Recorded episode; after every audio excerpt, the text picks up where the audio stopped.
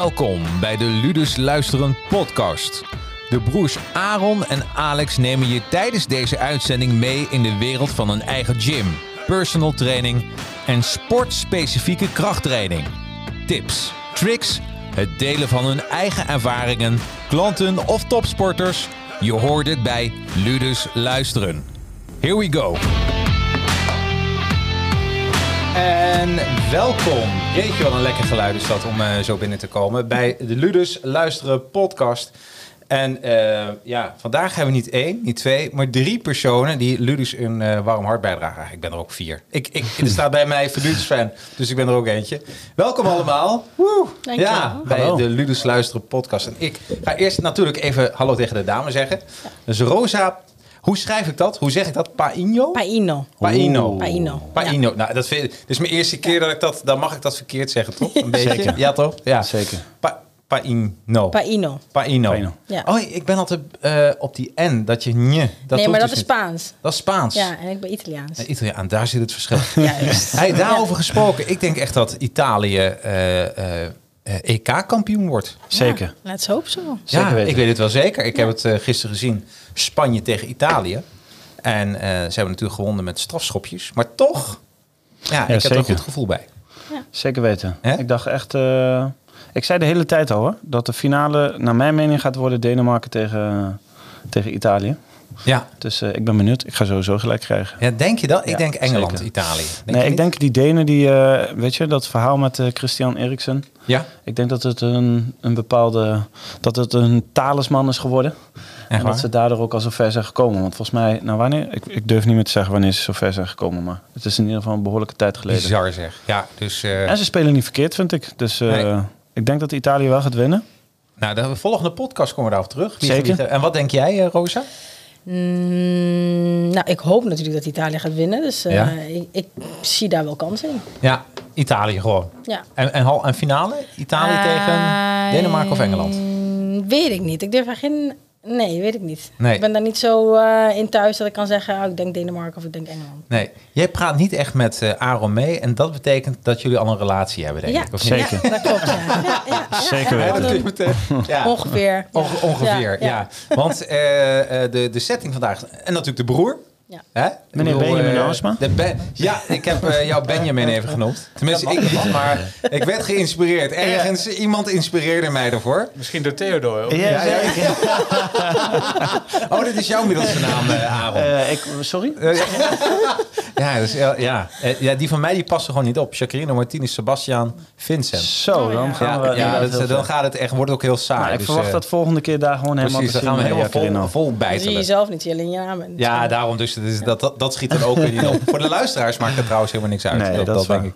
Ehm, en Alex zit er natuurlijk bij voor de voedingsondersteuning. En, eh, en natuurlijk eh, Aaron, Zeker. eigenaar luduspt.nl. Niet alleen een, eh, een digitale sportschool, maar je kan ook nog fysiek trainen. Ik weet het al. Zeker. Dus Toevallig wel. ideaal. Ja, toevallig Zeker. wel. Ehm, ja, toch ben ik even benieuwd, Rosa. eh, als, je, als ik naast jou zou staan in een lift, hè? En Mhm. we gaan met elkaar omhoog of naar beneden, een minuutje lang. Ja, wat zou je tegen me zeggen? Wat doe je dan? Wat, eh, hoe zou je jezelf aan mij voorstellen? Hoe zou ik eh, nou, mezelf voorstellen? Dat is een goede vraag. Dat is een hele goede vraag. Ja, het ligt eraan hoe je naar me kijkt, denk ik. Oh, oh. Hij, hij, hij zit erbij. Oké, dan zou ik zeggen- tegen jou zeggen, Rosa, vertel eens wat meer over jezelf. Ja, dat zou zeggen, nou, eh, je hebt mijn naam in ieder geval goed eh, gegokt. En eh, iets over mezelf. Ja, weet ik veel. Ik ben heel spontaan. Dus dan vloep ik er in één keer op dat moment wat uit. Ik zou niet weten wat ik... Ja, Nee, dan zou je. En, en, eh, en, eh, want je zit hier nou natuurlijk ook met een reden. Want je bent Ludus fan. Maar er zit ook nog iets anders waar dit thema eigenlijk over gaat. Ja. Oh ja? Goeie voorbereiding. Ik laat jullie even alleen. Ja, Eh, Aaron, help ons uit de Ja, brand. help. Nou ja, heel simpel natuurlijk. De reden waarom Rosa hierbij zit. Ja. Is, eh, we hadden natuurlijk over... eh, jij vroeg, wil je volgende keer je meest vervelende klant meebrengen? dus, nou ja. Oh ja. Hier is, Dat is dat-. Ja, weet je dat ik ook een scheidings- en mediation podcast doe? Ik bedoel, eh, Ja, precies, Daar ja. kunnen we gewoon mee doorgaan hoor. ja, ik herken mezelf daar helemaal natuurlijk Ja, niet precies. in. Maar nee, goed, nee. Nee, ik denk los van de humor. Ja? Hè? Die, eh, de inspiratie die Rosa meebrengt natuurlijk in het gesprek. Eh, natuurlijk ook het werk wat, wat Rosa doet. Heeft veel raakvlakken met, eh, met het publiek wat wij ook rond hebben lopen. Waar we Ja. natuurlijk al eerder over hebben gehad. Eh, dus ehm, Oh, Rosa, wat voor werk doe je? Ik eh, werk eh, bij een maatschappelijke hulpverleningsorganisatie, dus eh, Ah. zorgsector. Ja. En daar ben ik zorgcoördinator eh, bij SAU in Arnhem. En wij werken eigenlijk bij. eh, eh, we worden ingezet vanuit de gemeente of vanuit andere verwijzers, jeugdbescherming. eh, ja, met verschillende problematieken en doelgroepen eigenlijk. Oh, dus jongeren. Is dat de focus? Jongeren, maar ook ouderen, ehm, psychiatrie, verslaving. Het kan van alles zijn, maar Ja. wel inwoners die gewoon thuis tegen allerlei eh, dingen aanlopen. En dus een hulpvraag bij de gemeente Ja. neerzetten. Of in ieder geval bij het wijkteam in dit geval. Ehm, en van daaruit gaan ze kijken welke zorgaanbieder is het meest passend. Ja, begrijp ik. En dan kunnen ze bij ons terechtkomen. Wat goed werk. Ja, Ja, ja, en ook wel werk, denk ik. dankbaar werk, maar volgens mij ook wel soms dat je thuis komt en denk je, ah, werkt het allemaal zo in Nederland? Of valt het ja, wel mee? nou, eh, eh, positief en ook wel negatief soms hoor. Ja, ja, ja. Ja. ja, van alles wat. Ja, van alles wat. Ja. ik denk wel dat we hier in Nederland best wel veel te bieden hebben nog. Ja, zeker als je dat vergelijkt met hele andere landen. Door, als je kijkt naar, naar, naar haar schoonfamilie nog in Italië, daar hebben we het wel eens over. Ja. daar is het gewoon, Ja. je, je bent of gek of je bent gezond. Ja, Ja. precies. Zeg maar, daar, daar middenin, daar wordt niks meer echt Ja. gedaan, zeg maar. Nee, Ja. nee, Dus nee. ja, dan eh, doen we het hier in Nederland nog wel redelijk goed, denk ik. Ja. En eh, we hebben er wel eens over gehad, eh, Ja. over de jongeren die, die jij ook Ja, begeleidt. ja, zeker. Eh, en eh, en zitten daar veel probleemjongeren tussen? Of mag je dat niet zo zeggen trouwens, probleemjongeren? Nou, wat is een probleem jongeren? Hè? Ja. Dat kun je ook nog afvragen. Het is meer van, er zijn gewoon jongeren die eh, vanwege allerlei mm, redenen eh, ergens tegenaan lopen. Mhm. En dan is het fijn als je gewoon eh, een soort van buddy of coach, Ja. eh, begeleider, noem het, geef het een naampje, Ja. kunt koppelen om ervoor te zorgen dat hij wel in zijn kracht gezet wordt. Of in ieder geval tegen die bepaalde drempels aanloopt. om hem daar overheen te helpen. Ja. Ik denk als je kijkt naar bijvoorbeeld huiswerkbegeleiding. Ja. Ja, dan iemand krijgt wel extra begeleiding, maar het wil niet per definitie zeggen dat diegene dan een probleemkind Ja. is, om het zo maar te zeggen. Maar hij krijgt wel die extra begeleiding. Ja. Ik denk dat begeleiding een veel ruimer begrip is dan, dan wat we soms denken. Dus als je hoort eh, iemand is social worker of eh, maatschappelijk werker of werkster, dat, je dan, eh, dat er dan misschien wel snel een stempel wordt gedrukt van oh, die werkt voornamelijk met weet je, mensen die niet honderd zijn of eh, mensen precies. die verslaving hebben of mensen Ja. met maar dat, ik, ja, ik denk dat dat zeker niet eh, het geval is. Ik denk dat je soms ook met mensen te maken krijgt. eh, en dat zien we natuurlijk ook vaak bij ons. ehm, dat wij worden ingezet als eh, sport om eh, dat wij worden ingezet om sport te gebruiken als middel om iemand weer te activeren. Ja, dat is iemand die is eigenlijk qua karakter heel zachtaardig, heel eh, vriendelijk, ehm, maar die heeft gewoon moeite om mee te komen in de maatschappij. Of die, de, de maatschappij, ik denk dat de maatschappij druk uit de maatschappij is Ja. echt Mm. een hele grote factor, zeg maar. Ja. zeker. Hè, er wordt steeds meer van ons geëist, eh, steeds meer prikkels. eh, het, leven staat eigenlijk nooit meer stil. Nee. Dus waarom moet je opladen dan? Ja, Ja, ja, want daar, dat is waar jij in jouw dagelijks leven ook... Want jij werkt ook in de zorg, Alex. ja, ja. Dus dat is eh, eh, wel grappig. Eigenlijk zie je een soort rode draad in deze Zeker. familie. Toch? Ja, en ik, ik zou bijna zeggen dat ik die rode, die rode draad. Oh, oh, oh, oh, tuurlijk. Maar hè, Ja, precies. Ja, Om daar bij, jou, bij jou eh, is het ontstaan. zeker. Ja. het, is maar net, het is maar net hoe je het bekijkt, hè? Misschien is dat al onze probleem, jongen. Ja, precies. Ja, ja, dat Hij zou best... verzamelt allemaal begeleiders. op. Ja, ja, ja, ja, help mij, help mij. Ook iedere categorie. Ja, ja, wat moet ik eten, Alex? Ja, Ja, dus dat, daar komt het dan wel op neer. Hey, maar als je het even kijkt over de, de, de, de pijnen die... eh, we hebben het dan even over probleemjongeren. Gaan we even inzoomen. Ik denk dat het even fijn is voor, voor deze podcast. Ja. Eh, waar lopen Rosa probleemjongeren nou echt tegenaan? Waar ze de- ook de hulp van, eh, van Ludus, PT, eigenlijk wel voor kunnen gebruiken? Nou, ik denk dat het voornamelijk ook te maken heeft met eh, de omliggende problemen en Ja. factoren. En dat dat ervoor zorgt dat jongeren problemen ondervinden. Ja. Dus niet zozeer dat het alleen maar aan de jongeren ligt, maar de omgeving of eh, de bijkomende eh, eh, problemen die zich oppoppen, waardoor ze eigenlijk gewoon vastlopen. En het fijne is dat ze vaak door middel van sport soms een uitlaatklep ervaren om ehm, ja, wat net iets beter in, in, in de vel Ja. te voelen. En ehm, ja, heel vaak heb je dan bepaalde structuur, eh, want je hebt bepaalde afspraken, je weet dat je er naartoe gaat. En op een gegeven moment kun je daarmee beginnen om te gaan kijken of andere doelen bijvoorbeeld eh, haalbaar zijn. Ja, ja, ja. Heeft, dat, heeft dat meer, eh, ehm, eh, als je het over... eh, eh, we, we hebben met elkaar afgesproken dat we de term probleemjongeren even mogen gebruiken. Ja hoor. Oké. Wel. Nou, als je, eh, als je naar kijkt naar probleemjongeren, ehm, dat, is, dat kan eh, verschillende oorzaken hebben. Hè, het kan eh, eh, eh, dat men uit een milieu komt waar een, eigenlijk een jongen best slim is, maar door allerlei omstandigheden dat ze toch in shit belanden. Ja. Toch? Dat is een Ja. categorie.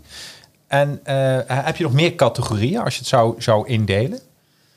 Hoe, wanneer wordt een probleemjongere een probleem? wa- Wat zijn de valkuilen? De valkuil, ja, als je gewoon vastloopt in je dagelijks leven. Dus eh, of het nou met school te maken heeft, dat je schooluitval hebt, of je schulden hebt, waardoor je allerlei aanmaningen krijgt en eh, op een gegeven moment ook gewoon geen eh, inkomsten meer hebt, omdat er beslagleggingen worden, worden opgelegd. Ehm, nou ja, als je psychiatrisch problematiek hebt, waardoor je dus daar aan kan decompenseren en niet meer bij de realiteit bent. Ja, dat, dat kan dus echt van alles zijn. Ja, ik denk ook omgeving. Hè? Ik bedoel, we hebben nu al vaak genoeg in onze, om, in onze directe omgeving ook gezien dat er mensen zijn die eigenlijk gewoon alles hebben wat ze nodig hebben. Ja. Ehm, maar waar ook alles voor ze wordt gedaan. Ja.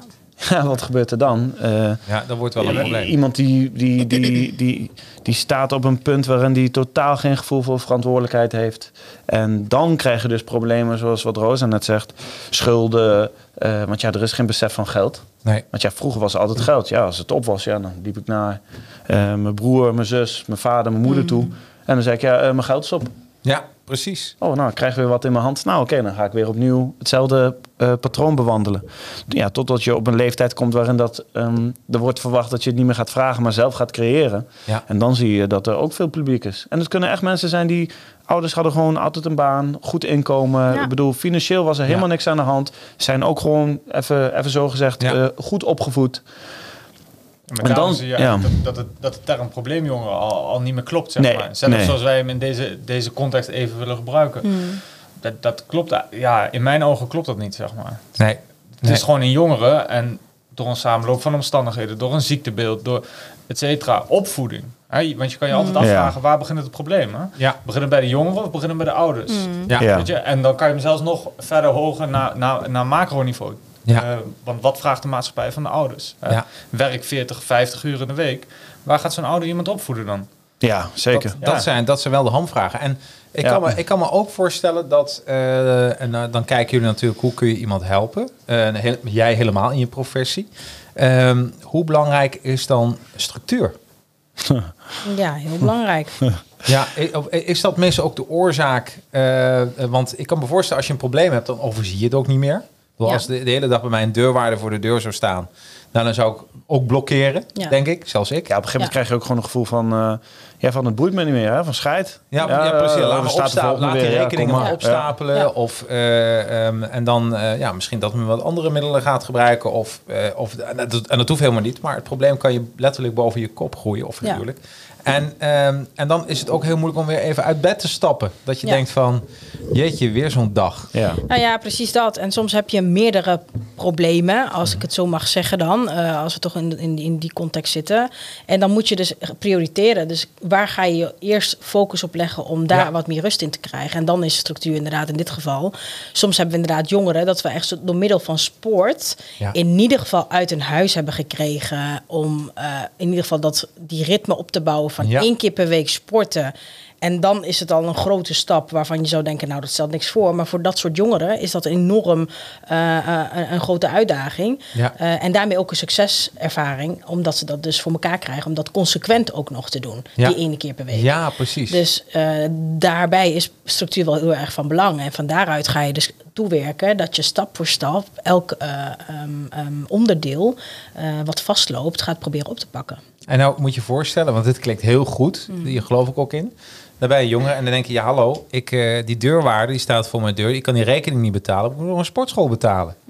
Hoe, eh, zijn daar, is daar een faciliteit voor? Dat dat, dat toch een of andere manier, eh, daar, dat ze daarmee geholpen worden? Ja, dat ligt er ook aan een leeftijd. En soms heb je verschillende potjes hè, waar je natuurlijk aanspraak op kunt maken. ah, Eh, potjes. Ik ben dol op potjes. Ja, je hebt Ja. verschillende potjes en het Ja. wordt steeds moeilijker. Maar Ja. goed, als je via via in de hulpverleningsland het een en ander kent, dan kun je echt wel wat voor elkaar krijgen.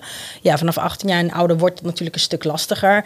Maar ja, weet je, het ligt eraan ook wat voor hulpvragen hebben wij binnengekregen. En dan kunnen we altijd even gaan kijken, hé, hey, wat, wat is nou eh, eh, voor deze eh, persoon eh, haalbaar en, eh, en mogelijk. Hè? En van daaruit ga je over in gesprek. Je hebt ook bepaalde dagbestedingsvormen eh, waar de gemeente ook over na kan denken. Ja.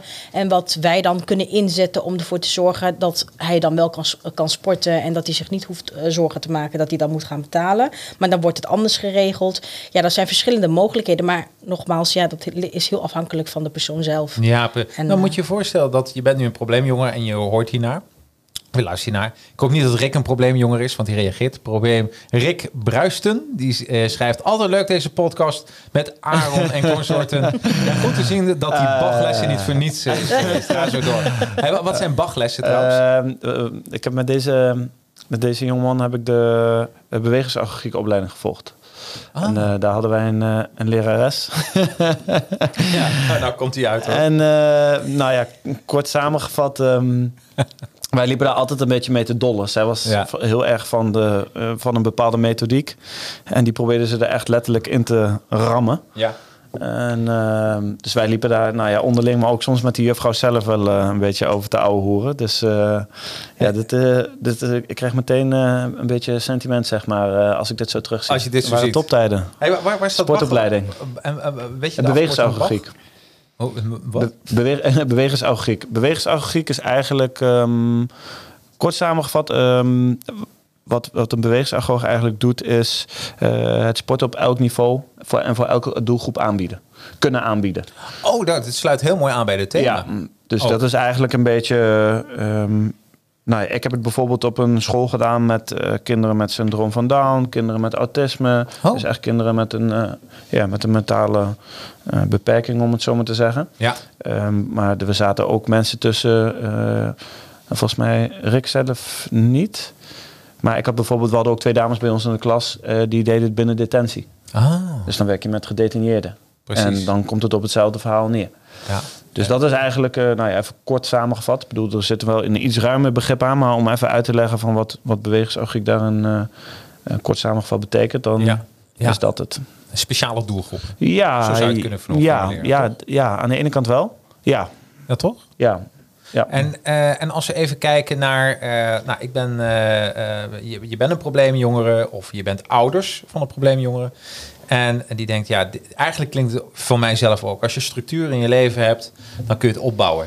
Dus, eh, en, en, en bij die structuur begint het met iets. Eh, dan misschien ga je ook naar je voeding kijken. Ja. Dus ga je het opbouwen. Maar wa- wat zou jij kunnen aanraden? Iemand wil nu beginnen.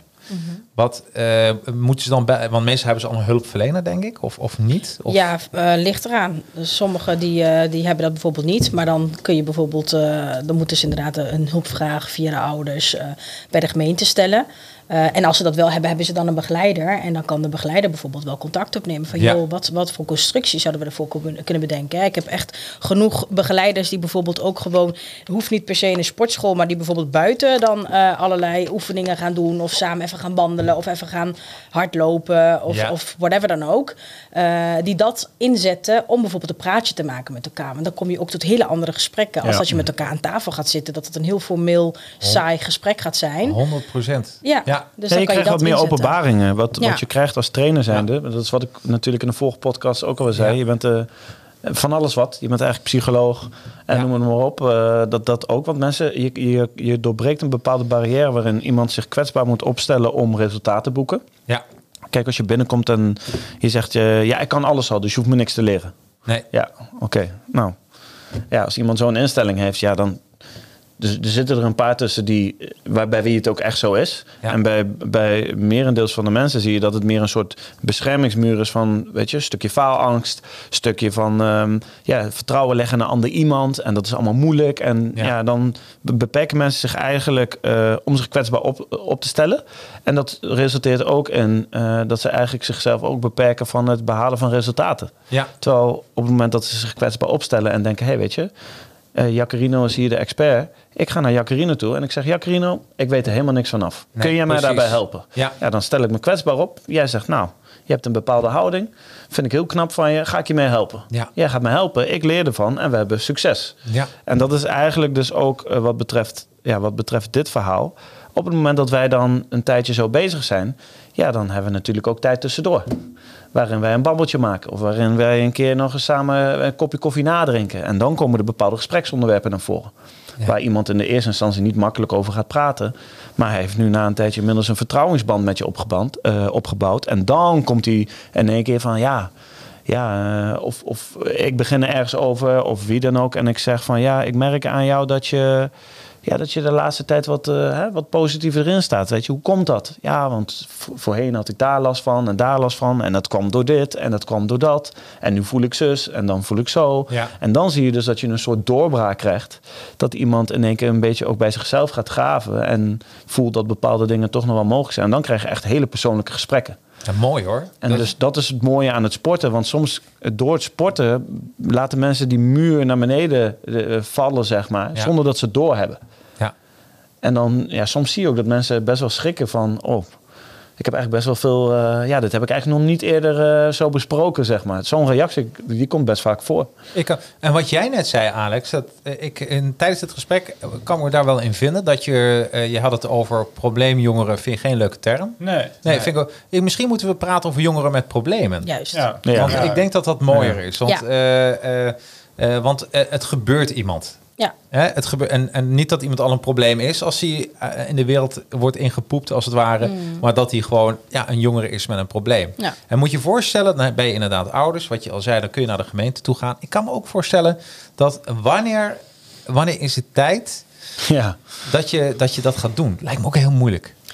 Ja, dat klopt. En heel vaak wat wij zelf eh, ervaren in de zorg is Ja. dat eh, niet zozeer ouders zijn die eh, gauw melden van hé, hey, eh, wij lopen ergens tegenaan, het gaat helemaal niet goed. Nee. Want 9 van de 10 keer hebben we natuurlijk ook mensen met een andere culturele achtergrond. En dan is het sowieso bepaalde gesprekken met hulpverlening liever buiten de deur houden. Ja, ja. Maar dan zijn het bijvoorbeeld de omliggende instanties. Dus bijvoorbeeld een school die zorgen heeft en die zegt: hé, hey, Ja. we moeten toch een zorgmelding maken, want dit gaat niet goed.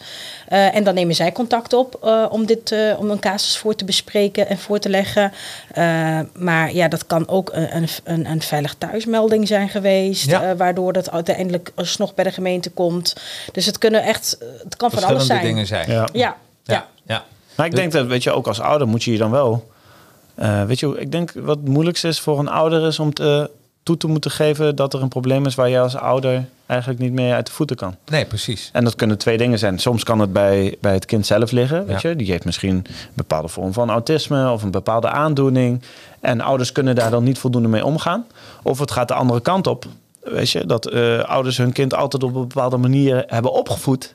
Ja. En dat, ze, dat, dat het kind daardoor nu eh, tegen obstakels loopt in het werkelijke leven, zeg maar. Ja, dan moet je eigenlijk gaan zeggen, ja, door de manier hoe ik hem heb opgevoed, hè, eh, ja, hebben we, me eigenlijk, we hebben me eigenlijk helemaal niet zelfstandig eh, gestimuleerd of eh, een stukje verantwoordelijkheid bijgebracht. Want ja, we hebben eigenlijk altijd alles voor hem gedaan. ja. Dat is natuurlijk, dus het kan heel erg twee kanten op. ja. En, en dan kijk even naar Ludus PT, want jullie helpen ook zulke jongeren met, Ja, met zeker. eh, sporten. Ja. Daar heb je ook bepaalde eh, projecten voor. Ja, Ehm, en je werkt ook samen met instanties daarmee. ja, ja. Kun je daar iets over vertellen? Nou ja, een van de instanties waar we bijvoorbeeld mee samenwerken is waar, eh, waar Alex werkt en waar, eh, waar Rosa werkt. En ehm, ja, daar hebben we natuurlijk gewoon sportmomenten. Oh, jullie werken ook bij elkaar. Ja, Nou, dan wordt het helemaal een rode Ja. draad, hè? ik zei het niet voor niets, hè, Jacarino. Ik Nee, zei het nee, niet voor precies. niets. Nee, nee. Voel je soms ook een beetje buitenbeentje? Ja, ja, eigenlijk wel. ja. Ik zei ook laatst tegen de, tegen de directrice van het bedrijf: van, ik zeg, weet je wat het? Ik ga ook gewoon solliciteren. Ik kom Ja, daar ja, ook gewoon werken. Weet je, als ik dan een keer een uurtje niks heb, kan, dan draai ik bij jullie wel een uurtje. Dat, is, eh, dat is allemaal prima. Ja, ik heb het gevoel als je dat gaat doen, beginnen zij in sportschool. Ja, hè? precies. Ja. Ja, dan kunnen we een beetje afwisselen. Nee, eh, dus inderdaad, dat soort organisaties werken we natuurlijk mee samen. Ja. Ehm, eh, ja, en toch zien we met de voetbalschool dat er ook wel jongens binnenkomen. En, en niet, zozeer, want, niet zozeer dat er problemen zijn, zeg maar. Maar je ziet vooral bij de jeugd dat wij echt nog wel veel kunnen betekenen wat betreft zelfvertrouwen. Ja. En dan zie je dus soms, eh, ja, eh, soms zijn, weet je, ik was ook als kind zijnde, ik had, eh, nou ja, naar mijn mening niet heel veel zelfvertrouwen. Ik was echt nog, weet je, ik vertrouwde mensen niet echt en noem het maar op. Ehm, en ja, als, op het moment dat je dan iemand hebt die door middel van sport jou beter maakt, meer zelfvertrouwen geeft, noem het maar op, dan kan dat veel betekenen voor je toekomst. Ja. Dus wat ik zeg, dan praten we helemaal niet over een groot probleem wat er aan de hand is of wat dan ook. Eh, dus je ziet het in de voetbalschool eigenlijk ook al een beetje Ja, terugkomen met de jeugd. Dat we ze extra zelf, meer zelfvertrouwen kunnen geven. Waardoor ze. Ja, en dat zal ook weer resulteren in eh, wellicht betere resultaten op school. eh, wat amicale, socialere opstellen, et cetera. Het heeft een uitwerking op alles. En daarnaast. Ja, daarnaast hebben we natuurlijk de samenwerking ehm, die we bijvoorbeeld met het OBC Husse hebben. ja. Ehm, Maar wat is OBC voor de luisteraars? dit ja, OBC is een, eh, een, eh, ja, een, een, een scholen, ja, of beter college, een, een scholengemeenschap hier in de Of omgeving. een Betuwe College? Ja. Oké. En daar hebben we bijvoorbeeld eh, de afgelopen twee weken hebben we daar eh, nou ja, eh, lessen voorzien voor, eh, voor eh, nou, een stuk of eh, poeh, uit mijn hoofd eh, acht of tien klassen. Verschillende Ja. klassen hebben wij gehad. En daar zie je het eigenlijk ook al een beetje in, in terugkomen. Zijn het ook jongeren met problemen? Ja, niet zozeer problemen, zeker niet. Wat ik zeg, zo wil ik het echt niet noemen. Want ik, eh, ik zie, ik, ik- de, nou ja, die kinderen, er waren een paar die had ik wel eens eerder gezien. Maar je ziet ze natuurlijk alleen in het sporten. Ja. Ja, we kregen nu hele gemotiveerde klassen. ook echt. Maar, maar eh, even, even voor mij dan even als leek. Ja. Zijn, zijn het, ze hebben toch gymles? Ja, ja. En waarin verschilt Ludus PT dan van een reguliere gymles? En Eh, waarom hebben ze dit nodig? Ik denk, eh, we bieden natuurlijk iets heel anders aan. Ja. Ik bedoel, wat wij binnen, binnen, binnen Ludus doen, ja, dat, dat zal een gymleraar niet snel gaan doen eh, bij, bij, op school, zeg maar. Daar is de Ja. ruimte natuurlijk ook niet zo voor ingericht. Kijk, wij wij werken natuurlijk al met, met, met krachtoefeningen. Ja. Ja, dat, dat vindt de jeugd gewoon geweldig. Ik bedoel, eh, volgens mij moest ik eh, bij elke klas even la- laten zien dat ik 100 kilo kan bankdrukken. Ja, ja, ja. Ja, en dan stonden ze eromheen te springen. Zo van, oh, dat vonden ze helemaal geweldig Ja. om het zo maar te zeggen. En, en met de vechtsport ook. En er zaten gewoon kinderen tussen die er niet zo zin in hadden. Echt, die kwamen binnen en zeiden, ja meneer, eh, ik ga echt niks doen hoor. Ik heb er echt geen zin in. Ja. Zeg ik, nou, dat zeggen ze hier altijd. En uiteindelijk doet iedereen zijn best, dus het komt helemaal goed. En nou ja, daarna ook wat gesprekken gehad met, eh, weet je of tussendoor ook soms met de leraar besproken. Die dan ook echt zei van, ehm, ja, weet je, eh, we, we verbazen ons soms om sommige jongeren hier dan zo bezig te zien. Dat ze dan gewoon echt zich laten motiveren om dit te doen. ja, ja, ja. Dus het doet iets met die, met die jongeren. En ik zeg heel eerlijk, als ze dit vroeger bij mij op de middelbare school eh, hadden georganiseerd, dan, had ik, eh, dan stond ik daar ook wel voor te popelen. Maar zijn het dan jongeren die een, om een normale opleiding Ja, is gewoon, Haven- is gewoon, eh, ja, dit is gewoon regulier Normaal. onderwijs. Oh, en die heb je dus Ehm, ook nog. Dat je ja. dat, dat gewoon de scholen die aansluiten. Ja, ja, en, dan, precies. en dan is het in plaats van alleen jongeren met problemen, ook gewoon Ja, jongeren. Juist. Eh, kijk, en dat is denk ik het stukje wat we net ook aanhaalden, waarom we een beetje terugkwamen op de term probleem jeugd of Ja. probleem jongeren. Ja, Ehm, en dat het een heel ruim begrip is, begeleiding. ja. Want net als ik net al zei, kijk, de, de, de, de jongens die voor de voetbalschool binnenkomen, die hebben in feite, ja, die hebben gewoon geen, daar is geen eh, problematiek aanwezig. Nee. Maar wat we wel zien is, weet je, eh, zelfvertrouwen. Iets Ja. wat ik bij mezelf natuurlijk ook heb gezien. En dat zie je op die middelbare school ook terug. Dus ja, kijk, je, je zou dan bijna weer terugvallen, eh, hè, de normale mensen. Maar wij praten daar eigenlijk al niet meer over. Want wij zien gewoon iedereen is gelijk. Alleen de een is beter daarin en minder goed daarin. En de ander heeft weer andere sterke punten en zwakke punten. We zien daarin gewoon, gewoon één lijn. Dus ja, ik vind het ook een beetje achterhaald om, eh, om op die manier daar nog eh, over te praten. Ik vind dat we soms ook dan mensen tekort zouden doen. ja. Als we zo, gaan, eh, zo zouden gaan praten. En dan ga ik een hele gevaarlijke vraag stellen aan Rosa. Rosa, wanneer zou jij dan een, eh, iemand eh, die bij jou komt doorverwijzen naar Ludus en wanneer zou je hem niet doorverwijzen naar Ludus? Ehm, wanneer niet? Nou ja, weet je, eh, vanuit zorg is natuurlijk, zijn wij verbonden aan wat wij ehm, kunnen inzetten als sport. Want Ja. daar zijn, dat bepalen wij niet, dat bepaalt de gemeente. Ja. Dus als de gemeente zegt, joh, ehm, ik zie daar eh, kansen in en ik eh, denk echt wel dat iemand daardoor gemotiveerd raakt om inderdaad wat aan zijn dagstructuur te doen, Mhm. om ook inderdaad weer eventjes eh, deel te nemen aan de maatschappij, dan zetten we een soort van dagbesteding in. En dan kan een jongere bijvoorbeeld terecht bij de sportschool. Ja, ja, ja. Maar ja, als ik dat niet voor elkaar krijg, dan is dat gewoon niet haalbaar. Nee. En dan gaan we gewoon kijken naar een andere creatieve oplossing. Om dat toch te- voor elkaar eh, Te boksen. Te, te boksen. Ja, en er moet ook Ja. wel wat affiniteit zijn met sport. Dat Ja. maakt het wel makkelijker. Ja. Ja. Kijk, als iemand een affiniteit heeft met muziek, dan kan dat eerder de trigger Juist, zijn om, ja. om diegene eh, zich kwetsbaar te laten opstellen of om eh, doorbraken te creëren. Nou, weet Ja. je, maar daar wil ik even voor pleiten. Want ik, ik, ik heb een sport geen. Geen sport gen. en ik vind het zelfs leuk. En het komt Ja. gewoon, eh, je bouwt gewoon wat op. Eh, je, bent, eh, je voelt je iedere dag weer wat gezonder. Ja, En, eh, en, en een structuur. Ik denk dat structuur super belangrijk is. Ja. Dus, dus weet je dat iemand het niet leuk vindt, betekent niet dat hij het leuk, niet leuk kan vinden. Ik vond vroeger als gymjongen werd ik als laatste gekozen als trefbal. Ja. Was, ik de, was ik het pionnetje. ja, precies. Ja. Leuk. Hè? Ja, leuk. Ja, dat is ook een hobby. Hè? Dat is ook een hobby. Ja. Nee, maar ik denk dat het ook te maken heeft met... Kijk, het verschil eh, bij Ludus is dat er ook wel jongere eh, instructeurs zijn... of wat dan ook, eh diegenen die bokslessen geven... Ja. met een zorgachtergrond. Ja, precies. En dan sluit je goed aan. Want Ja. dan weet je Ja. ook dat je op, eh, tijdens het sporten... ook andere soort gesprekken kunt voelen. Of even net aanvoelen... hé, hey, ik zie iemand dat hij niet lekker in zijn vel is. Nou, hoe ga je het gesprek dan aan? Op wat voor manier ga je iemand bejegenen? Ja. En dat is denk ik wat je ook het verschil maakt... Ja. op het moment dat je dus daar eh, zou eh, kunnen sporten... of gebruik van kunnen maken of wat dan ook. Ja. Omdat iemand weet hoe je daar eh, mee om moet gaan. Ja, mooi. Ja, want, en dat, daar, daar, dat, ja. dat is wel echt een gevaar. Want ik denk dat heel veel mensen denken van, ah, weet je wel, dat, dat doe ik even. Ja. Ja. Ja. Hè, iedereen kan de zorg in. En, Ja. en, en je, ziet, je hoort dat ook best wel vaak zeggen. Ja. Hè? Van, ah, ik doe even zorgopleiding, ga ik lekker de zorg in. Ja. Maar eh, nee, ik denk niet dat het iets is wat je zo doet. Ja. Maar ik denk, en als je kijkt ook naar jullie, ehm, jullie hebben echt wel. eh, jullie, kunnen de, jullie zouden er veel meer uit kunnen halen. Bij jullie is de zorg echt voor jullie weggelegd. Jullie, zijn, jullie hebben een karakter, jullie zijn type personen. Weet je, en dat zien we natuurlijk ook bij eh, onze vriendelijke tank, de Daan.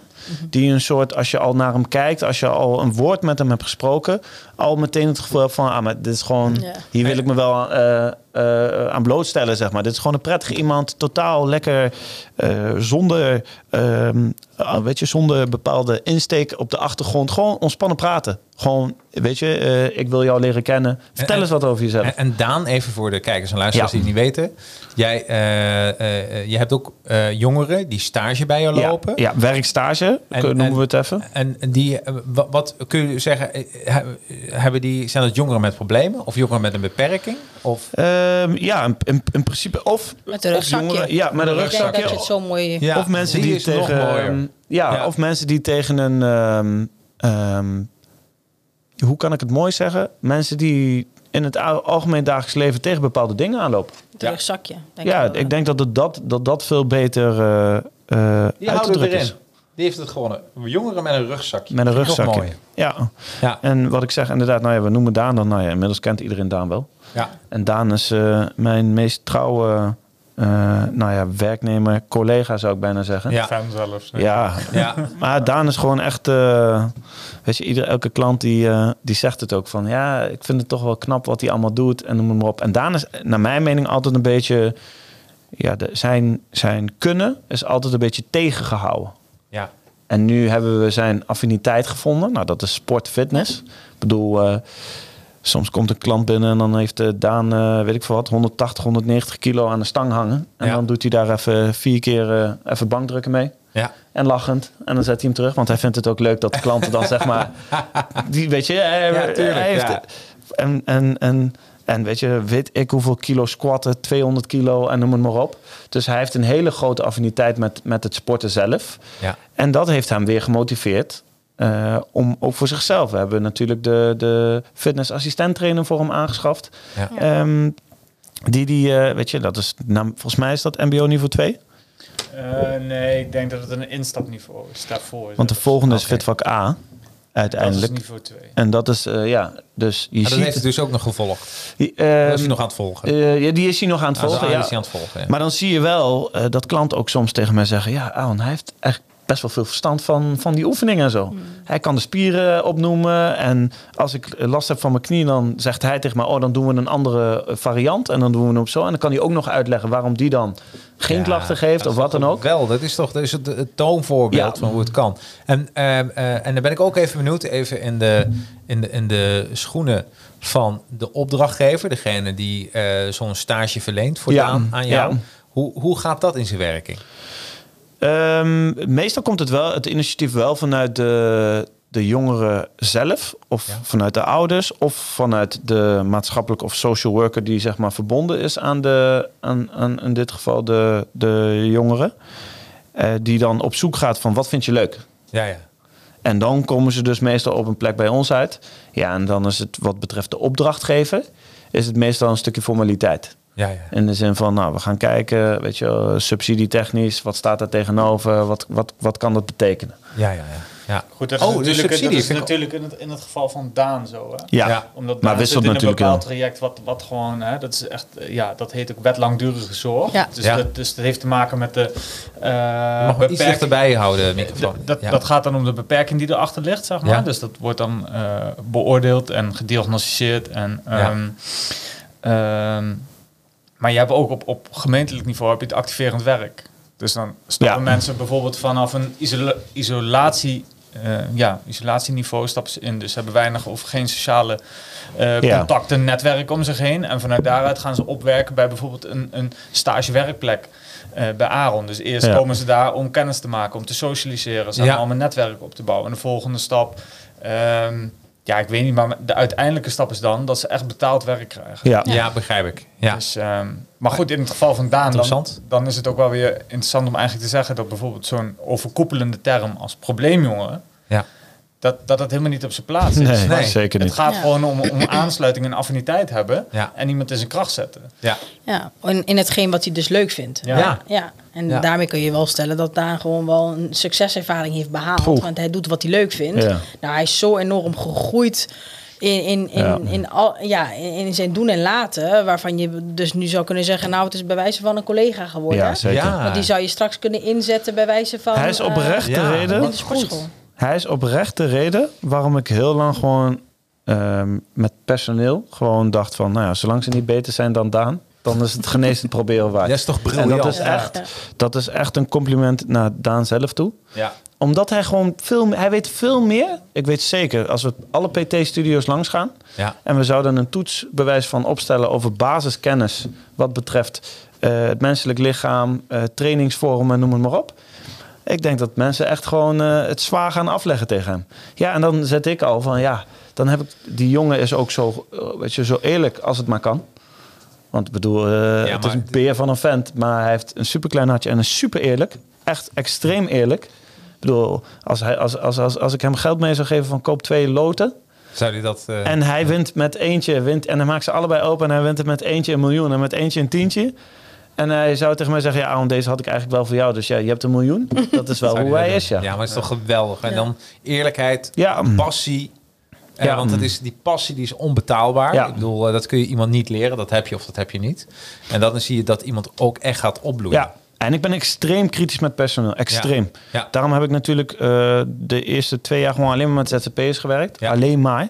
Omdat dat jongens zijn die, die, zoals Rosa al zegt, die hebben al een bepaalde achtergrond. Die kunnen al meteen een bepaalde kwaliteit leveren. Precies. En daar komt de klant voor. Ja. De klant komt, daar hebben we het natuurlijk al in de eerdere podcast over gehad, die komt ten alle tijde voor de, voor de kwaliteit. Ja. Dus op het moment dat ik voor een bepaalde dienst, laten we nu even zeggen vechtsport, eh veel te weinig ervaring heb en denk van ja, ik kan er wel gaan staan en doen alsof ik het allemaal zo goed weet. Maar deze jongen heeft serieus gewoon wedstrijden gevochten, eh, heeft de klappen letterlijk ervaren, die weten veel meer vanaf. Ja. Ja, oké, prima, dan zet, zet ik diegene daar, daar neer. En Daan was ook inderdaad de reden wat betreft de fitness, de krachttrainer, dat ik dacht van ja, waarom zou ik iemand inhuren? Hij weet het toch beter. Ja, maar, dus, weet je... eh, maar dat is dus wel geweldig. Ja. En, en, en je ziet Daan ook, want ik kom natuurlijk ook in een sportschool, Ja, die zie ja. echt genieten. ja, dat... En, en die leeft gewoon zijn beste leven ooit. Ja, 100 Die, eh, die, die loopt ook vaak met, die loopt 24-7 met een lach rond. En die Ja. zegt ook van, eh, weet je, eh, kijk, we proberen natuurlijk, natuurlijk ook, we, we, we, we zijn ook wel goed voor hem in die zin van, omdat hij dat verdiend heeft. eh, dat we een beetje een stressvrij bestaan voor hem proberen te creëren. ja. Eh, en dan zie je ook wat. Dat die, er echt van, die moet ik echt op vakantie sturen. Nou, weet je, en dit is dus het succesverhaal van iemand die stage loopt, Ja. die, eh, Ja. eh, die aansluiting zoekt bij de maatschappij. En op deze manier gebeurt Ja, dat heel, zeker. heel erg goed. Ja. Worden ze daar klaar voor gestoomd. Eh, ik denk ook dat we daar heel veel mensen mee kunnen inspireren. Ja. Die eh, een danen in hun school hebben of in hun eh, omgeving. Eh, Ja. Dat ze dit. eh, maar het tweede is natuurlijk ook: heb je ook succeshalen van jongeren eh, met een rugzakje die bij jullie sporten? En zie je daar al een transformatie in? Ehm, ja, zeker. Ik bedoel, er zijn genoeg verhalen die we hier kunnen gaan vertellen. We zitten natuurlijk wel een beetje met... ehm, eh, ja, wat kun je er wel over kwijt, wat kun je er je niet over kwijt. privacy, maar zie je ook. Ja. eh, Maar, Je eh, kunt geen namen zeggen, nee. maar we hebben natuurlijk wel bijvoorbeeld eh, jongeren bij ons. En daar hebben we afgesproken in overleg inderdaad met eh, de contactpersoon bij het werkteam. Van hé, hey, dit is zo'n complex geval waar jarenlang verschillende begeleiders in hebben gezeten. En eh, ja, wat, wat niet, eh, tot niets, eh, niets heeft gewerkt. En eh, laten we kijken hoe we het door middel van sport eh, hem kunnen activeren om wat te gaan doen. Ja. Ehm, en dat lukt best aardig, want hij heeft een supergoeie klik. Ja, en eh, hij gaat er graag naartoe. Eh, en dat is dan wel mooi om te zien. Want je, ja, dat, dat is dan vanuit een shock ook vanuit de, eh, de, de, de verwijzende instantie. Dat ze zeggen, nou weet je wel, van, eh, ik ben al lang blij dat hij inderdaad daar komt. Ja, dat hij En de deur uitkomt. En dat hij de deur uitkomt. dat is al super. Dus dat is echt super mooi om te horen Ja. dan. Dus eh, dan denk ik van ja, juist als daar de kracht in zit, daarop eh, doorgaan. Ja. En dan van daaruit kijken of dat we een andere opening kunnen krijgen om straks wel te activeren. Om bijvoorbeeld een baantje eh, te krijgen of andere eh, dingen eh, Ja. voor elkaar te krijgen. Ja, want de eigenwaarde, daar begint het mee. Die Ja. gaat, krijgt een boost. ja, ja. En Ja, dan wat, en wat is succes, hè? Want ik vind het ook al een succes. Ja. Als ze hem opbellen, als ze hem appen. Zeggen Ja. van, hé, hey, weet je, Ja. vanavond, of, eh, vandaag kom ik niet sporten. Want Ja. ik zit niet lekker in mijn vel. Ja. Ja. Of dit. Dat vind ik ook een succes. Want normaal Ja. zouden die gasten zeggen, joh, weet je, boeit me niet. 100.000 procent. Ja. Ja. Ja. Dus weet je, het is een eh, heel mooi, dit is een soort zorg- en maatschappelijk eh, oplossing waar het wordt aangeboden.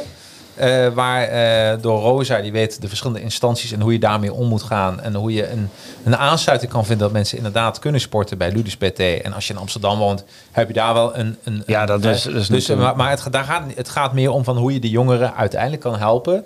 Eh, en ik denk dat sport heel goed is om mijn eigenwaarde. Ik heb een keer een filmpje gezien. Dat ging over een, een, een, een, een legercommandant. En die zei, wat je eigenlijk moet doen, begin van de dag je bed opmaken. Als je bed opmaakt, heb je al de eerste goede daad van de dag gedaan. En dat klinkt, maar dat vond ik zo diep. Want ik dacht van, ja, daar zit het in, hè? Dat je gewoon Ja, dat, structuur hebt. eh, dat geloof ik wel, ja. Ja, maar dat is natuurlijk wat we al iedere keer laten terugkomen. Het stukje structuur en, Ja. en, en, en noem het maar op. Ehm, en eh, weet je, ik bedoel, we hebben allemaal wel, eh, wel iets. De, de lerares, de, waar, waar, eh, zeg maar de lessen die we kregen van de lerares, waar, Ja. waar, die, waar Rick het net over eh, eh, had. Die zei ook van, ik denk dat we allemaal een bepaalde vorm van autisme hebben. Ja, Ja. Alleen bij de een komt het meer naar buiten ja, dan bij de ander. Bij de een vanwege zijn werk hindert hem het niet. En bij de ander hindert het wel vanwege eh, de interesses. Kijk, als jij natuurlijk eh, een bepaalde vorm van autisme hebt, waarin jij, ehm, nou, jezelf, waarin jij het moeilijk vindt om contact te leggen met andere individuen. En jij vindt sport wel leuk en je wilt eh, groepsles gaan geven. Ja, dan, dan hebben we op zich wel een obstakel zeg maar, om, Ja, om te gaan overwinnen. ja. Maar aan de andere kant, ehm, als jij dezelfde vorm van autisme hebt, maar ehm, je bent ICT'er, daar ligt jouw interesse. Ja, dan waarin gaat het jou... Sterker nog, dan zou het je misschien zelfs beter maken... omdat je een fully focus hebt en met geen enkel individu te maken hebt. Nee, precies. Eh, ik, ik leg het even kort, kort Nee, samenvat uit. Maar dan Ja. om even inderdaad uit te leggen hoe, hoe makkelijk eh, eh, een probleem zich voor kan doen. Het Ja. is heel erg de setting, de mensen eromheen. ehm, en, en noem het maar op. En daarom denk ik ook, soms zeg ik ook tegen, als ik van die jochies zie voetballen, dan zeg ik ook van, joh, als ik vroeger zo'n gozer naast me had staan, ja. dan was het echt anders gelopen. Ik heb natuurlijk zelf ook op speciaal onderwijs gezeten. Ja. Nee, dat was echt gewoon, dat was echt dramatisch. Ja. Weet je, en, en heel lang heb je je daar ook laten leiden van, weet je, ja, eh, eh, weet je, niveau technisch. Ik weet nog dat ik de leraar van, van die school tegenkwam toen ik op de fysioopleiding zat. ja. En dat ik tegen hem zei van, ja, ik doe een fysiotherapie. Weet je, hier op de, de- op de hogeschool in Utrecht. En dat hij echt zo keek en zei, maar, maar, maar dat is toch HBO? Zeg ik, ja, ja, klopt. en toen zag je me ook echt denken van, oké. en dit was echt iemand die vaak tegen mij heeft gezegd van, ja, van jou gaat nooit wat terechtkomen. Nee, precies. Nou ja, Dus ik zat daar echt van, yes, Ja, ja, ja, yes. precies. Maar gewoon een stalen gezicht, gewoon heel ontspannen. Ik zeg, Ja. met u, hoe gaat het met u? Weet je, ik bedoel... Ja. eh, ja, nee, maar dat wel, maar dan zie je dus ook, en dat leg ik ook vaak uit aan de jongens die bij ons binnenkomen, van laat je niet leiden door stempels die je krijgt. Laat je niet bedrukken door stempels die je krijgt. Uiteindelijk Nee. bepaal jij zelf Ja, waar je terechtkomt. En, en Daan is daar een voorbeeld in. ja. Ja. Hij heeft nu ook de houding gekregen van, oh, dat vertellen ze daar? Oh, dan ga ik even met, met Alex overleggen of met Aaron overleggen. ja. En, maar hij betwijfelt het al meteen. Dus nu als er wat tegen hem wordt gezegd, betwijfelt hij het. ja. Want dan gaat hij zelf nadenken. Dan denkt hij, nee, dat is helemaal niet waar. Ik kan dat gewoon zelf wel. Ja, zeker. Nee, dat is onzin. Ja, wat goed, hè? En dat, maar in het begin, dat het begin was die. Ik weet nog hoe hij de deur bij ons opendeed. Ik zei het gisteren nog tegen een klant. Ik zeg, Daan, die kwam voorheen, deed hij de deur open en dan keek hij je gewoon zo aan. Ja, precies. En dan ja. zei die klant, "Eh, mag ik naar binnen? Ja. Zei hij, ja, ja. ja. En nou, dan kon die klant naar binnen. En dan kwam die klant naar me toe. Hij zei, eh, hij heeft problemen gehad of zo. Hij heeft een beveiliger ingehuurd. ik zeg, maar hij is natuurlijk behoorlijk groot. En nu heb je dus klanten die af en toe nog een beetje met hem lopen te dollen. Want die, die trainen hier nog steeds. Ja. En die zeggen dan tegen Daan, wist je nog eerst toen de Ja, tijd hoe je dit... En nu komt hij binnen, vraagt hij meteen, wil je een kopje koffie, een kopje Ja. thee? Komt hij meteen, hij onthoudt alles. Dus als jij zegt, ja, ik heb het afgelopen weekend dit gedaan. En je komt dan binnen en vraagt, hey, hoe was het weekend? En je merkt gewoon, hij is daarin Wat goed, hè? extreem ontpopt. En dat zie ik natuurlijk bij mezelf ook. Ja. Ik bedoel, ik denk dat eh, mijn broer en ik ook wel eh, vroeger onder het kopje probleemjeugd eh, vielen. Ik bedoel, als je natuurlijk buiten op straat was. Ja, wij deden andere dingen om onszelf te vermaken, om het zo maar te zeggen. Dus eh, eh, maar en nu kun zie je dan... Dan kun je die aansluiting ook Ja, zo goed vinden. dat Want je, is het. je, je begrijpt die doelgroep, Ja. je Ja. begrijpt wat ze doormaken. En je weet ook hoe je ze kan helpen Ja. vanuit die andere kant. Wat ook belangrijk is, jongeren en voeding. Ja, en, zeker. eh, ik heb een paar vragen binnengekregen. En ik denk toch dat we de expert Alex eens even aan zijn gouden tand gaan voelen. Heb je gouden tand trouwens? niet? Nee, die heb ik niet. Nou, dat, ik zou het helemaal bij komen. Nee, oh, Oké, dat zou zo wel kunnen, toch? Hierna misschien. Ja, ik, wil- ik denk het wel. Hey, hoe kan je als ouder gezonde voeding stimuleren bij je kind? Oeh, mooie vraag. Zo, zeker. Ja, mooi. Ja, ik denk dat het... ehm, wees een voorbeeld. Weet je, eet zelf niet als een klein kind. Ehm, Laat gewoon zien wat, wat volwaardige voeding is. Hè? Van Ja. eh, fruit, groenten.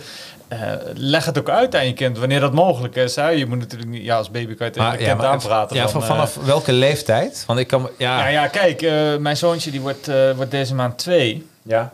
Kijk, wij zijn gewoon begonnen met, met gewoon fruit, groenten, mee eten met onze maaltijden die wij zelf maken. Die Oh. proberen we dus niks, geen potjes, Nee. hè, eh, niks, geen zoetigheid ook. Van ja, hij eet toch fruit, dat is zoet, weet je. Leren eerst maar van oké, dat is zoet en het is nog eens gezond. Ja. Kijk, dat gesprek heb ik nu nog niet met hem. Maar hij vindt fruit wel heel lekker. Dus straks, als hij het een beetje begrijpt, kan ik hem uitleggen. Dat kan het fruit wel. is gezond. Ja. Hè, en dan de groentes die hij lekker vindt. Kijk, nu pas ik het ook aan op zijn smaak, weet je wel. We, we, we hebben hem ehm, een broccoli van dit begin vond hij hartstikke lekker, maar vindt hij niet meer lekker. Nee. Dus wat ben ik gaan doen? Ben een beetje gaan spelen. Wat is zoet? Welke kruiden, weet je wel? Dus eh, bietjes, eh, pompoen, wortels. Ja, dat eet hij, hè? Daar zit hij gewoon zo lekker van te schansen. Dus, dus, ehm, Dus ja, ik- zelf het voorbeeld zijn. zelf het voorbeeld zijn. Ik denk dat dat, dat, dat, gewoon, heel, eh, dat, dat gewoon heel belangrijk is. Ja. En eh, ja, dus zoek die aansluiting. Hè? Wat ik zeg van, van hij vond de ene groente niet meer lekker. Ik ging op zoek naar het alternatief. Maar Hè? we- weet je, dit, dit geloof ik tot een bepaalde leeftijd. En op een gegeven moment krijg je een leeftijd en alles wat je ouders doen, doe ik gewoon 180.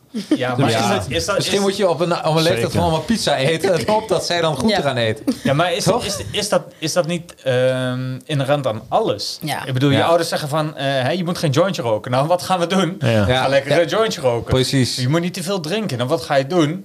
Je Ja. zuipt jezelf straal bezopen, je kost jezelf onder. Ja. Ja. Je, eigen grenzen natuurlijk, Maar eh, wat, er- zoeken. wat er Ja. gaat gebeuren is, Ja. tenminste dat is mijn mening, als je van kinds af aan iets consistent blijft meegeven. Hè, dan krijg je, tuurlijk krijg je dat je kind gaat puberen en afstand van je neemt. En afstand neemt van de dingen die jij hem hebt geleerd. Ja. Maar ik denk daarna, wanneer die puberteit voorbij is, jong volwassenen, volwassenen.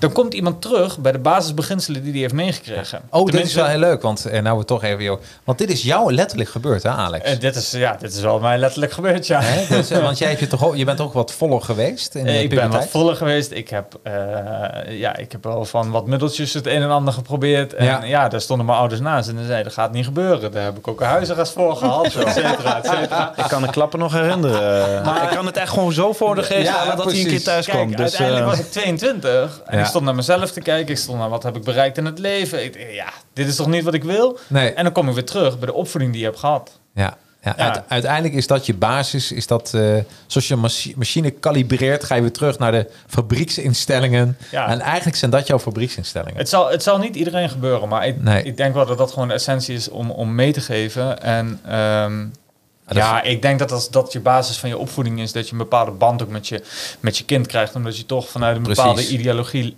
ehm voed je op. En dat geef je je kind mee. Dus ik denk dat, dat die denkprocessen, die, ja, die geef Maar het je is dan een heel door. belangrijk proces. dus- Ja, je, het enige wat ik daarover wil zeggen, en toevallig had ik er nog een gesprek eh, over laatst met Gregor.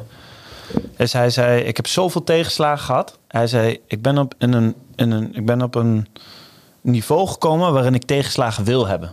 Omdat als ik zie wat al die tegenslagen mij hebben gebracht en wat voor een persoon ze van mij hebben gemaakt. Hij zei, dan ben ik al tien keer meer dan dat ik was. En Ja. als je kijkt naar jeugd, waar bestaat onze jeugd uit? Ervaren. Eh, zelf tegen dingen aan- aanlopen. Zelf problemen ervaren en daarvan leren. En als wij de basis meegeven, dan zal het in feite, ik bedoel, schiet me er niet op af, maar dan zal het in feite altijd wel goed komen. We hebben altijd een goede thuisbasis gehad. Ja. Daardoor konden we wel altijd buiten de gekste dingen doen. Nou, bij hem kwamen de problemen meestal aan huis. Ik had goed geleerd om de problemen niet aan huis te krijgen. Ja. Dus, ehm, maar dan, ik leerde al van hem. Ja. Weet je, dat ik echt al dacht van, oh, weet je, dat is misschien niet zo handig. Dus Oh, dat we ga ik, ge- dat, dat Jij ga was ik een zeker soort niet doen. guinea pig was jij. Hij werd geslagen, zeg maar. Van die slagen leerde ik van, dit gaan we anders doen. Ja, maar ik, ja, ja. ik dacht gewoon altijd van oké, dan gaan we doen, gaan we proberen. Ik ben, ik ben heel praktijkgericht nog steeds. Ja. En hij was altijd zoiets van oké, moet Oké, ik anders doen, even anders goed over nadenken. En, eh, Precies. Maar Ja. voeding is daar een, natuurlijk, werkt eigenlijk op dezelfde manier. Je geeft je kind gewoon een basis mee. Ik ben ook van mening dat te veel forceren van, nou, je moet dit gewoon eten. Dat dat niet... eh, Nee, maar daar Ja, komt die aansluiting Ja. kijken, weet je wel. Hè? Ja. Dus ge- geef ook een alternatief. Ja, ik wil friet hebben. Nee. Ja, als je constant nee blijft geven, dan, wordt- dan gaat het kind gaat stuiteren natuurlijk. Ja. Natuurlijk. Bied een goed alternatief. Maak frietjes uit de, bij- uit de oven of zo, weet je wel. Met olijfolie. Zorg, zorg gewoon dat Ja, het gezonde zo- variant gaat worden. Dan is al zoveel mogelijk. honger trouwens. Heerlijk. Oh. Ja, heerlijk. Dus ik je had getraind voordat ik hier kwam. Dus, Oh ja, eh, ja, precies. Ja. ik kan deze tafel wel opeten Oh, ja, ja, eh, als ja, het te ja. lang duurt. Ik wil dit zeggen. Dus echt, eh, hey, maar, eh, maar dat vind ik heel mooi. Dus dat je ook een alternatief aanbiedt van Ja. iemand wilt inderdaad. En natuurlijk denk ik ook even na. Maar het zijn de standaard dingen over frisdrank, cola met suiker, allemaal dat soort Ja. zaken. Ja. Hè, eh, doe het net als eh, eh, de voetballer. Even de cola verwisselen met water tijdens het Nou, EK. Gewoon een keertje een cola zerootje, dat kan ook al. Kan Ja. helemaal geen kwaad. Hè? Nee, nee, een, gebakje kan ook geen kwaad. Maar je, je kan je kind ook meegeven. We doen wel een keer een weekje, een hele week alleen maar appeltaart eten. Ja. Aan het einde van de week is die klaar met die appeltaart. Ja, zeker. En zo moet je dat gaan uitleggen. ja, van, ja. Als je dat altijd eet, is het niet meer speciaal, vind je het ook niet lekker. Nee. Dus zorg gewoon dat de lekkere dingen speciaal blijven. Hè, Een snoepje, eh, eentje na school kregen wij er vroeger. Nou, Ja. wij zijn echt niet van... Ik ben echt niet van diegene die een hele zak in één keer opeet. Oké, dit- ik voel weer wat aankomen. Ik wel. Ja, precies. Ja, ja, ja. Ja. Ik vind dat ook moeilijk hoor. Als je zo'n zak hebt, dan... eh, ik heb een trouwens een theorie over eten. Ik ga, ga hem toch even met jullie delen. Ik was laatst aan het eten. En het was ook iets lekkers. En op een gegeven moment begon ik onbewust snel te eten. En toen dacht ik van, waarom ga ik nou onbewust hiervan sneller eten? En toen dacht ik van, misschien weet ik onbewust dat het slecht is. En denk van, oké, laten we snel eten, heb ik het gehad. Ik denk echt, echt oprecht. Ja? En ik heb het ehm, nu niet meer, maar ik heb toen de tijd toen ik echt strak met. eh, ik ben nu ook echt strak weer met voeding, maar zeg maar, eh, laten we zeggen, vijf tot, tot tien jaar geleden. Toen had ik altijd, toen was het voor mij wel anders. Toen was ik strak met voeding, maar dan had ik één keer in de twee weken zo'n moment dat ik dacht: oké, ik moet echt gewoon even iets doen. Ja, precies. En dan stond ik in de kast en dan had ik echt een gesprek met mezelf van: maar waarom? Ja. Waarom zou ik dit nu eten? Het is 0,0 toegevoegde waarde. Er is een gevoel in mijn hoofd. Het is geen eens mijn lichaam. Mijn hoofd wil dit eten. En dan kon ik gewoon, dan stond ik echt gewoon. Nou ja, als je me dan zag staan, dacht je echt van kill, die is echt gewoon knettergek. Precies. Ja. Maar soms staat hij nog steeds voor de kast hoor. Dat hij denkt van zal ik het pakken, zal ik het niet Ja, of ik ruik aan dingen. En dan gaat hij, gaat hij de, de, de chipzak pakken, gaat hij aan de achterkant lezen. Dan gaat hij nog nadenken, hmm, is het de Achterkant lezen waard? werkt heel goed. Ja. Dat Want is- dan zie ik hem Ja. Gewoon voor me. En dan zegt hij, Aaron, dit zit erin, dat is niet goed. en dan denk ik, ja, laat maar zitten. En dan word ik geïrriteerd en dan leg ik het echt gewoon weg. Ja, dus, dus die foto van Alex op elke pak chips, dat helpt Dat dus wel. zeker wel Ja. Hetzelfde op een zak chips als die foto's op een pakje sigaretten. Ja, precies. Ja, eigenlijk moeten ze van jou een nationale fotomodel maken. Weet je, wel. oh, bam, bam. Soms ook, joh, Ja. dan, dan, hoor, dan hoor ik zijn eh, vrouw. En dan Ja. Die, dan krijgt zijn vrouw echt de wind van, tevoren, van, van, van voren. Omdat ze de verkeerde type stroopwafels heeft gekocht. Dan zegt hij, ja, dat zijn niet de goede, er zit dit in. En dan, up, en dan, Oh, eh, dan gaat het, dan gaat het Ja. de deur uit. Maar op, onbewust Neem je dat en, wel eh, mee? ja, zeker. Want ik denk, eh, ik denk dat onze ouders hebben wel op zich altijd goed, goede, goede kwaliteit vlees, veel groente, veel fruit aan ons meegegeven, zeg maar.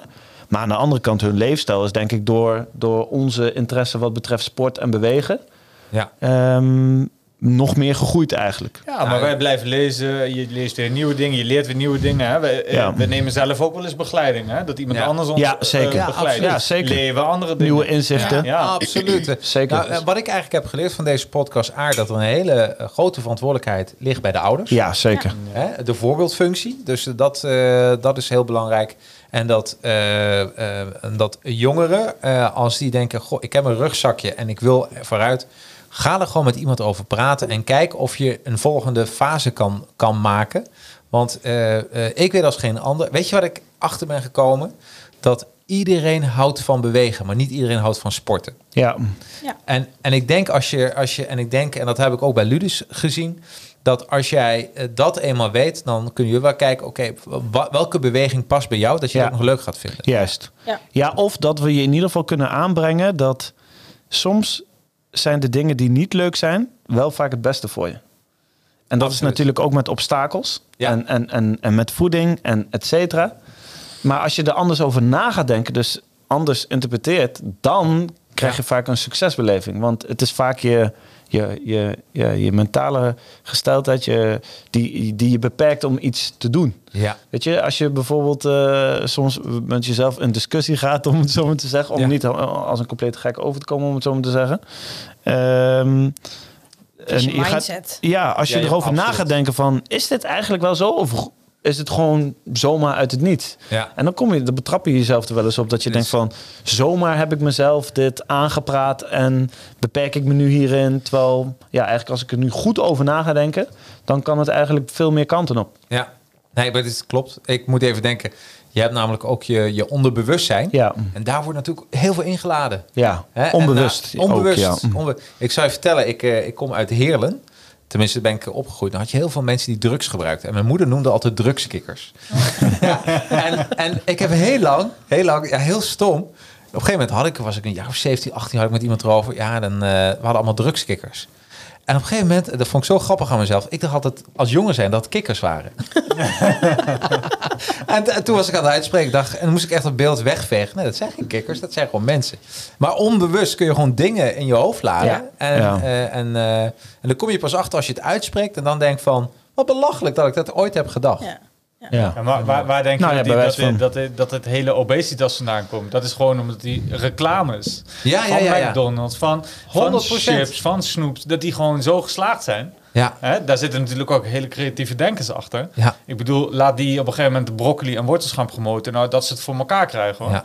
Want dat gaat zo vaak op tv komen. Dat is en het schoonheidsideaal. En laten we zeggen, eh, in de, in de gouden tijd wa- was het Rubens model was helemaal in.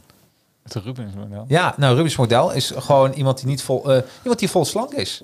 Ja. Hè? Ja. Dus, en, maar dat is dus heel grappig hoe de media dat Ja. ook eigenlijk eh, je beïnvloedt en in het onderbewuste wordt geladen. En dat ook heel veel eh, meisjes eh, gewoon last hebben van eh, bijvoorbeeld anorexia nervosa. Ja. Ja. Hè, en dat heeft allemaal te maken met het, ja, van hoe wil je dat we eruit zien. Dus dat, dat is misschien leuk voor een, een andere aflevering. Ja. Helemaal Hey, goed. Ja, toch? Eh, we zijn een uurtje voorbij. Eh, ik, eh, ik denk dat mensen heel veel hebben opgestoken over jongeren met een rugzakje. Wat je eraan kan doen en wa- wat jij als ouders als voorbeeldfunctie hebt. Ben ik iets vergeten?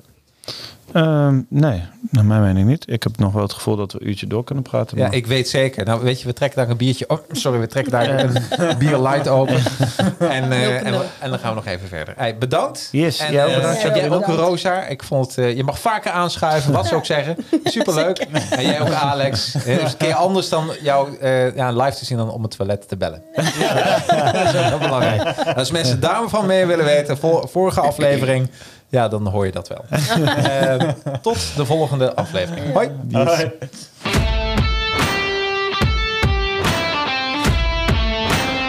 Bedankt dat je geluisterd hebt naar Ludus Luisteren. Wil je meer weten over Ludus of direct een afspraak inplannen?